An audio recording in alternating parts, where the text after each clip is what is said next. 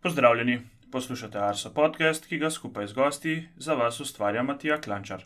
Danes je na sporedu druga izredna epizoda Arso podcasta. Kot v prvi izredni epizodi je tudi danes z mano Brane Gregorčič.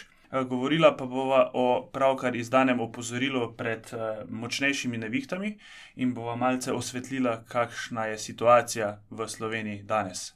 Zdravo, Brane. Pozdravljen. Ja, Poglejva najprej malce širše. Evropa je nekako glede vremena razdeljena, bi lahko rekli, skoraj na dve polovici. Zahodna Evropa ima hladno, tudi deževno vreme.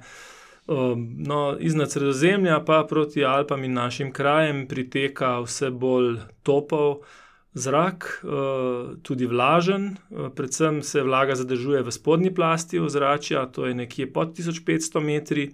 No, in ravno ta visoka vlaga v, spodnjem, v spodnjih slojih eh, se potem ob dnevnem pregrevanju lahko manifestira kot kar eh, hitra sprožitev potencijalne nestabilnosti, se pravi, lahko ob eh, pregretju ozračja nastanejo kar hitro tudi nevihte. In to ne čisto tiste najbolj nedolžne, ampak izdali smo pač opozorilo druge stopnje, se pravi, druge najviše stopnje ob eh, takšnih nevihtah, kot jih pričakujemo danes v popoldanskih urah, eh, vse tja do večera, lahko krajevno pride tudi do res močnejših nalivov, pojava toče, sunkov vetra in seveda v nevihtah vedno tudi udarov strel. Tako da današnja vremenska situacija je do te mere zaskrbljujoča, da zahteva nekaj več eh, previdnosti in morda kakšen ukrep za preprečitev kakšne škode, ki ni pač ki se ji da izogniti. Ne. Recimo, da parkiramo avto popoldne v garažo, da ga ne puščamo pred hišo, um, pa še kaj drugega. No. Se da postoriti, seveda proti naravi, pa kaj dosti včasih tudi ne moremo. Ne. Uh, branje, kje pa pričakujemo, drugače, da se bodo začele nevihte uh, producirati in kam naj bi se potem premikale.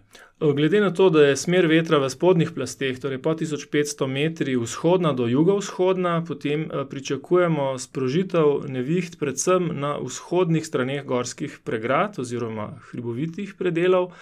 Um, to je predvsem na vzhodnem robu Dinarsko-Alpsko-Dinarske, se pravi Dinarsko-Javorniške gorske pregrade. Um, to je nekako ravno bom rekel, predvsem zahodni del osrednje Slovenije, pa tudi osrednja Slovenija, nekako eh, kaže, da na primorski strani danes kakšnih močnejših neviht ne pričakujemo, morda z izjemo bolj hribovitih predelov že proti severni primorski.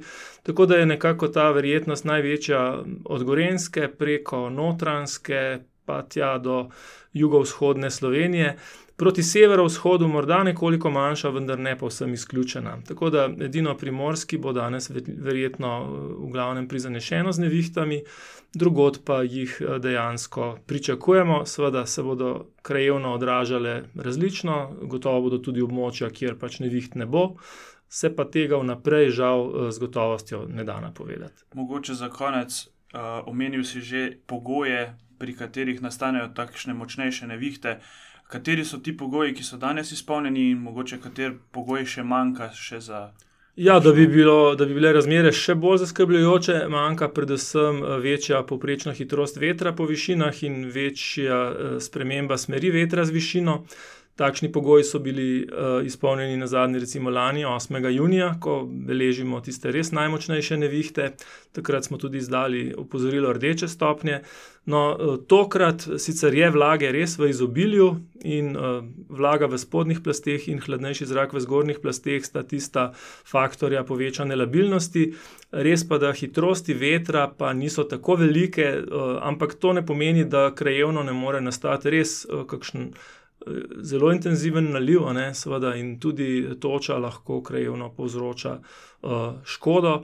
S tem, da, um, kot rečeno, no, opozorilo je zaenkrat druge najviše stopnje, bomo pa uh, seveda razvoj vremena spremljali, priporočamo tudi vsem drugim, ki jih to zanima, da spremljajo predvsem našo radarsko sliko padavin, ki jo posebej potem tudi obdelamo, da prikazuje tudi verjetnost uh, pojava toče krajevno. Ne s tem, da se pač ta vertikalna vodnost integrira in to kot poseben produkt prikaže iz radarskih meritev. Vse to lahko vidite na našem spletnem portalu.